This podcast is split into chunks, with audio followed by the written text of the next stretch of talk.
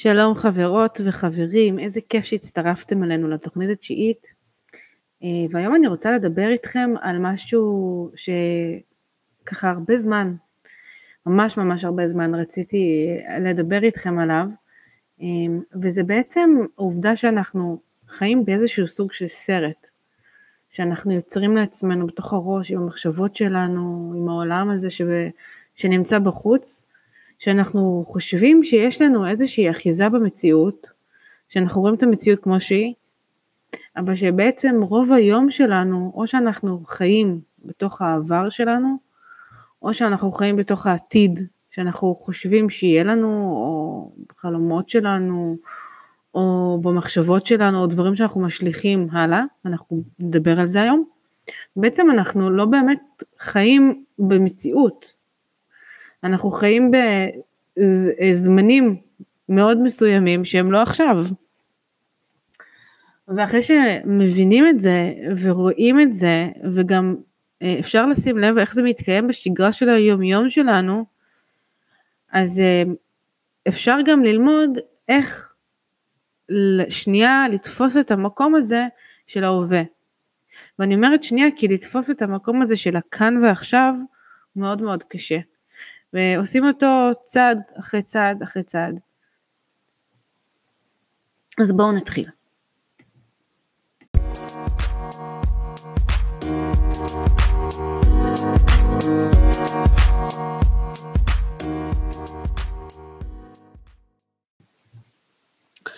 אז אני רוצה להתחיל אה, לדבר על הנושא הזה מתוך משל שסיפרה לי חברה לפני כמה שנים.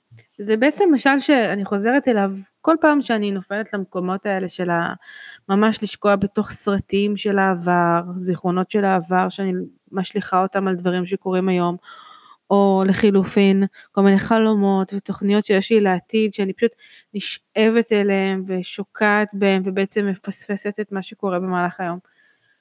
ואני בעצם כשזה קורה אני חוזרת למשל הזה. והמשל הזה מספר על תלמיד והמורה שלו, נזיר, והמורה שלו, שרחצו בתוך אה, נהר.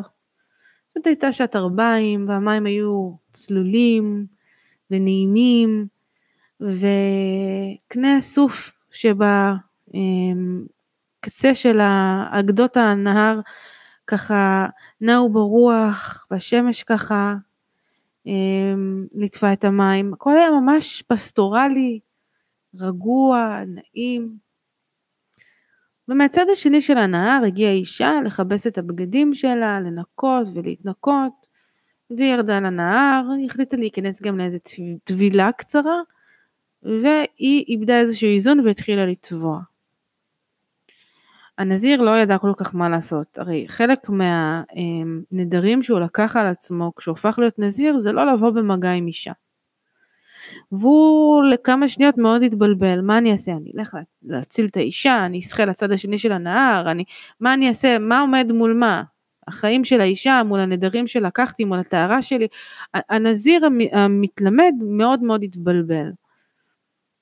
והמורה שלו לרגע לא השתהה. איך שהוא ראה את האישה במצוגה, המורה שלו מיד, מיד שחה לצד השני, תפס את האישה, הרים אותה על הגב שלו וסחב אותה על הגדה של הנהר והציל אותה. ואחרי שכל הדבר הזה קרה הוא חזר חזרה אה, לאיפה שהוא היה, הוא והתלמיד שלו התארגנו, התלבשו וחזרו למנזר. אבל משהו קרה אצל הנזיר. הנזיר התחיל לפקפק במורה שלו. הוא התחיל להגיד לעצמו, איך יכול להיות שהמורה שלי נגע באישה. הרי הנדרים של המורה שלי יותר מחמירים מהנדרים שלי, הוא המורה שלי. איך יכול להיות שהוא אפילו לא השתהה, הוא לא, חש... לא לקח שנייה רגע לחשוב מה אני עושה, מה, איך אני בוחר בסיטואציה הזאת, וישר הלך אליה. עם כל מה שיש עליו וכל הנדרים, הוא לא חשב אם אני אפר אותה, מה יהיה, איפה זה פוגע, כלום. הוא ישר פעל. אולי המורה שלי לא כל כך מחויב לדרך הזאת. וככה התלמיד הזה בעצם הלך כל יום והתחיל להתעסק במחשבות האלה. איך הוא פעל בצורה כזאת בלי לחשוב. וגם כל הדרך שחזרנו חזרה מהנהר אל המנזר, הוא לא אמר כלום, הוא לא דיבר כלום על הדבר הזה. משהו נורא קרה. הוא נגע באישה, הוא רץ לאישה, הוא סחב אותה על הגב שלו, הוא נגע בה ולא אמר כלום ולא דיבר כלום ואיך זה יכול להיות והוא לא הסביר לי. בכלל המורה הזה הוא לא מכוון אל הדרך שלנו, הוא לא מאמין בדרך שלנו, אני לא מאמין שאני לומד אצל מורה כזה, והתלמיד היה צריך לשבת ולעשות מדיטציה ולהתרכז, והוא לא הצליח. וכל יום שעובר יותר מתחזקת אצלו התחושה שהמורה שלו הוא לא מורה אמיתי, ואם המורה הזה לא אמיתי, אז אולי כל המורים לא אמיתיים, אולי בכלל דבר כזה דרך רוחנית, מה אני עושה פה בעצם? כל הקיום של הנזיר, התלמיד התחיל להתערער. עד שיום אחד הוא כבר לא יכל לשאת את זה יותר, הוא היה שנייה מלעזוב את המנזר וללכת לחיים אחרים לגמרי. והוא בא אל המורה שלו ואמר לו, תקשיב, לפני שבועיים אנחנו היינו בנהר, אתה זוכר? אז המורה אמר לו, כן, אני זוכר. אנחנו כל יום הולכים לנהר להתרחץ, אז אני מניח שגם לפני שבועיים היינו שם. לא, לא, אתה זוכר לפני שבועיים שהיה יום מיוחד שהיינו בנהר והייתה אישה שטבעה ואתה הצלת אותה? אז הוא אומר, כן, אני זוכר משהו כזה. והנזיר אומר לו, איך יכול להיות שאתה המורה הגדול, אתה הלכת ומיד, בלי לשתות, בלי לחשוב שנייה, שחית לצד השני, לקחת את האישה הזאת על הגב שלך והעברת אותה, אה, את, החזרת אותה לגדה והצלת לה את החיים, אבל בלי לחשוב. אתה נגעת באישה, איפה הנדרים שלך, האחריות שלך, וגם לא אמרת שום דבר אחר כך. אז המורה אמר לו, אני סחבתי את האישה הזאת על הגב שלי שלוש דקות. אתה סוחב את האישה הזאת על הגב שלך כבר שבועיים ימים. ובעצם השיעור שהתלמיד, הנזיר הזה עבר, זה כמה אנחנו יכולים להתעסק במקרה מסוים שקרה בעבר ולמשוך אותו כל הזמן, כל הזמן להתעסק בו, איך הוא היה, מה היה שם, למתוח אותו, וככל שאנחנו נותנים לו יותר ויותר ויותר משמעות בחיים שלנו, הוא גם תופס תאוצה, זה ממש כמו כדור שלג. בהתחלה הנזיר, הרי הוא מאוד uh, שאל שאלות, אולי המורה שלי הוא בעצם לא, לא הולך בדרך הזאת. באמת, בהתחלה הוא שאל את עצמו למה בכלל הוא לא השתהה. ועם הזמן הנזיר כבר התחיל להשליך את זה על עצמו, למה אני נמצא פה בכלל, אולי כל הדרכים הרוחניות הן שטויות, אולי כל המורים ככה. זאת אומרת, ככל שהוא נתן למקרה הזה, שקרה יום אחד, מקרה שקרה במשך חמש דקות, הוא נתן לו את המקום הזה במשך השבועיים, לאכול אותו בפנים ולסחוב אותו ולאבד אותו, בסופו של דבר הוא גדל והתעצם ומהמקרה הספציפי שהוא קרה בנהר עם האישה והמורה, הוא כבר תפס תאוצה וחלש על כל החיים שסבבו את הנזיר.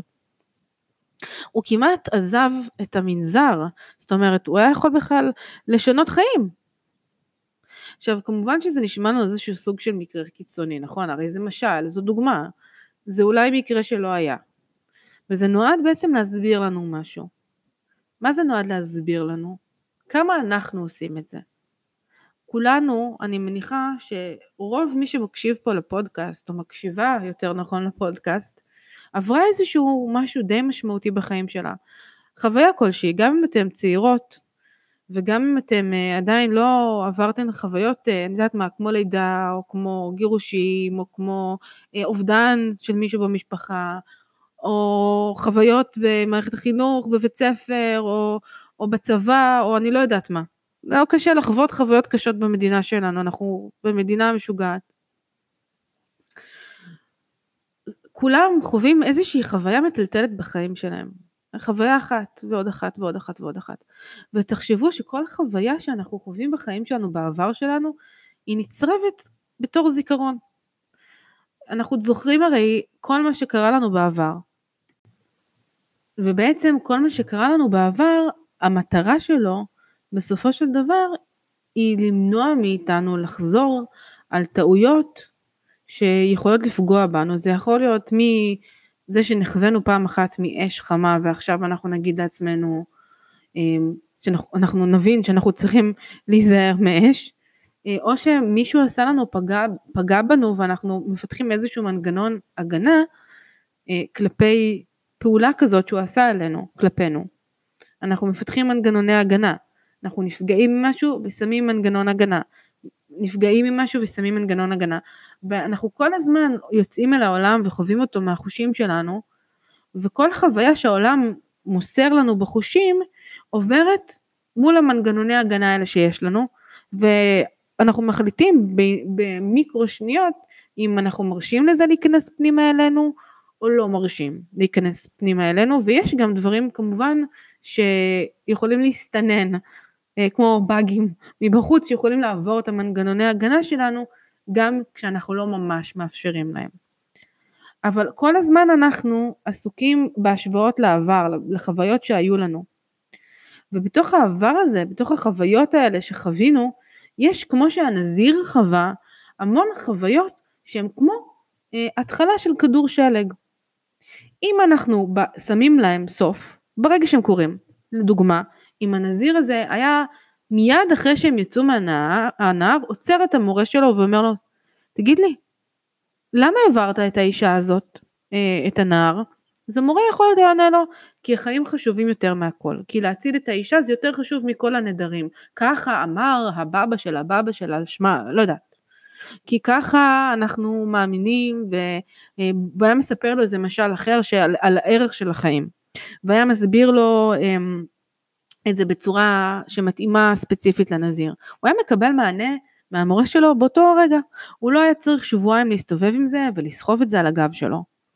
אבל הוא לא עצר ושאל. ובאותו הרגע שקרה מקרה שערער לו את הבפנים, הוא לא עשה איזושהי סוג של רפלקסיה פנימית. הוא לא עצר ואמר רגע שנייה, משהו פה יוצא אה, מגדר הרגיל. משהו פה שונה מהשגרה שלי, משהו קרה. אני צריך שנייה להסתכל על זה, לשאול מה קרה פה ולפתור את זה. הנזיר גם לא עצר כשהוא הרגיש שכדור השלג הולך וגדל וגדל וגדל. הוא נתן לפחדים והוא נתן לכל מנגנוני ההגנה שלו בעצם לעלות למעלה. יכול להיות שהנזיר הזה בעבר שלו ראה נזיר אחר שהפר נדרים וזה מאוד חרה לו, אי אפשר לדעת, אבל משהו פה אצל הנזיר לא עצר, זה היה כמו סחף, ובכל רגע הנזיר הזה היה יכול ללכת למורה שלו ולבקש הסבר.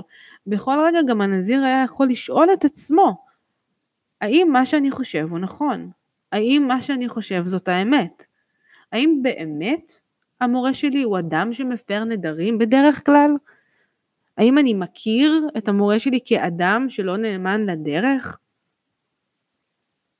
הוא לא שאל אפילו את השאלה הזאת. אז אולי אם, אם אני מכיר את המורה שלי כל כך הרבה זמן בתור בן אדם שהוא אמ, היה תמיד טוב אליי ואמיתי איתי, אז אולי משהו במחשבה שלי לא בסדר, ואני צריך רגע שנייה לשים לב.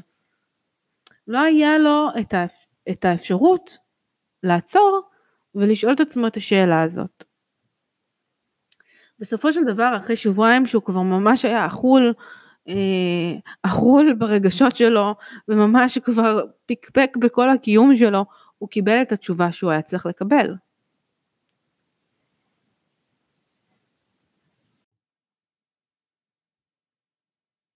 אז בעצם אם אנחנו מסתכלים על עצמנו, אנחנו יכולים לחשוב כמה כמה כדורי שלג, התחלות של כדורי שלג כאלה היו בחיים שלנו. למשל, מישהו שאמר לנו משהו, ואחר כך אנחנו הולכים עם זה כל היום. איך הוא אמר לי דבר כזה, ואיך הוא אמר לי דבר כזה, כן, וגם זאתי וזאתי וזאת שקשורה אליו, וזאת שקשורה אליו, וככה וככה, ואם הוא אמר לי ככה, ואנחנו מתחילים לפתח ממקרה אחד סרט הוליוודי שלם. רב ניצבים ושחקנים ותפאורות, ובעצם, והמוח שלנו, המחשבות שלנו, הן אוהבות את זה. הן ממש ממש אוהבות את זה. תנו להם את ההזדמנות ליצור מציאות כרצונן, והמחשבות שלנו ייצרו מציאות כרצונן. תיקחו את עצמכם החוצה מלשלוט במחשבות, המחשבות ישלטו עליכם. זה מאוד קל להם לעשות את זה, הן חולות על סרטים, כי זה אומר שלא צריך להתמודד עם המציאות האמיתית, זה אומר שאנחנו חיים במקום אחר. בעצם המחשבות שלנו יכולות לקחת משהו מאוד מאוד קטן שאפשר לפתור אותו בלדבר, בתקשורת, אמ, בלשאול את עצמנו, זאת אומרת גם לבחון את עצמנו אם אנחנו באמת, אם זאת, זאת האמת, לשאול את עצמנו זאת האמת, נגיד בן אדם, כן, צפר לנו בכביש. האם זה שהוא חתך אותנו בכביש וצפר לנו, זה באמת בגלל שהוא כועס עליי, ענבל, או שכל מי שהיה עושה את זה, כל מי שהיה עובר דרכו היה צופר? מה בן אדם הזה עבר שנייה לפני שהוא צפר לי? היה לו יום כיפי, הוא נסע על הכביש ברגוע, האם זה מכוון ספציפית לענבל, שעברה את כל מה שעברה בחיים שלה, שיש לה את כל העתיד לפניה, כל הרגע הזה, הוא צופר לי? יש לנו חוסר אה, ביכולת לראות את נקודת המבט של האנשים האחרים מסביבנו, הרבה פעמים. תחשבו ממה העבר שלנו מורכב בעצם. כמה נקודות מבט של אנשים שהיו אה, חלק מהסיטואציות שהתחילו את הכדורי שלג האלה, כמה אנחנו לא יכולים לראות אותם ולהבין אותם באמת, כמה אנחנו רואים את המציאות רק מתוך נקודת המבט שלנו. האם זאת המציאות האמיתית שהייתה בעבר? באמת זה מה שקרה?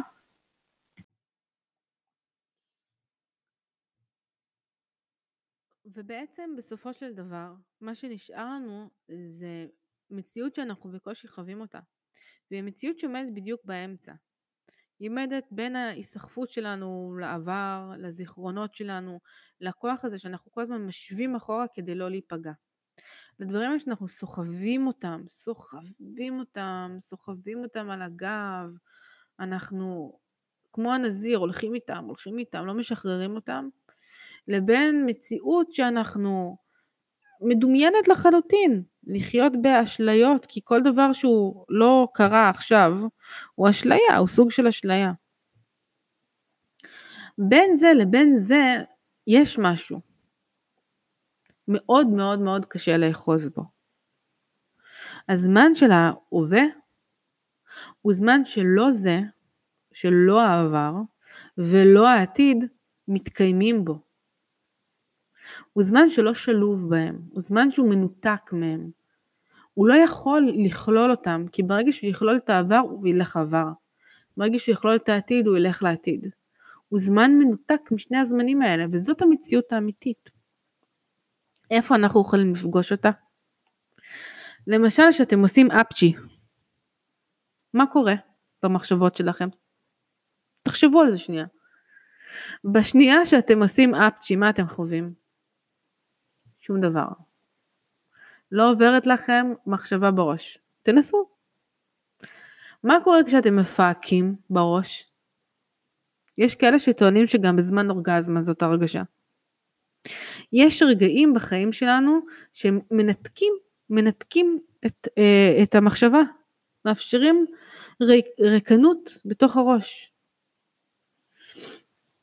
יש רגעים שמאפשרים לנו להתבונן במחשבות שלנו כמו סוג של עננים שחולפות ובאות ולא להיקשר אליהם ולא לקבל את מה שהן אומרות לנו אלא לתת להם לחלוף.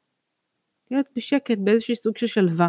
בגלל זה המון אנשים מתרגלים, מתרגלים מדיטציה, יש אנשים שמתרגלים מיינדפולנס שזו תורה שלמה אמ, שגם מחולקת, היא מגיעה מכל מיני מקומות. אמ, המיינדפולנס שהיום נלמדת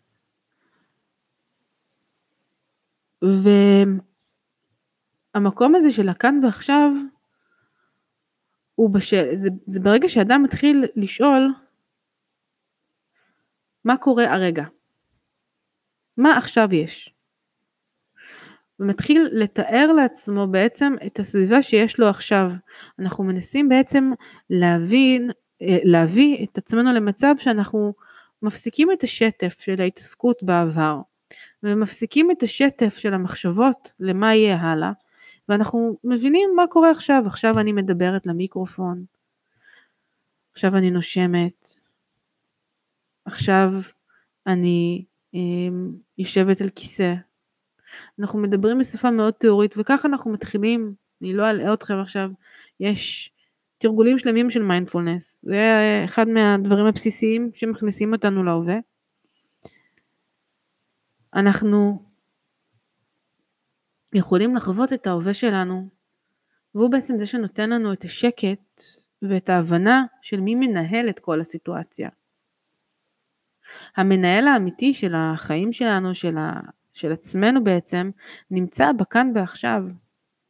כל מה שיש לנו מסביב זה רק מציאות מדומה, שלרוב אנחנו חיים בה.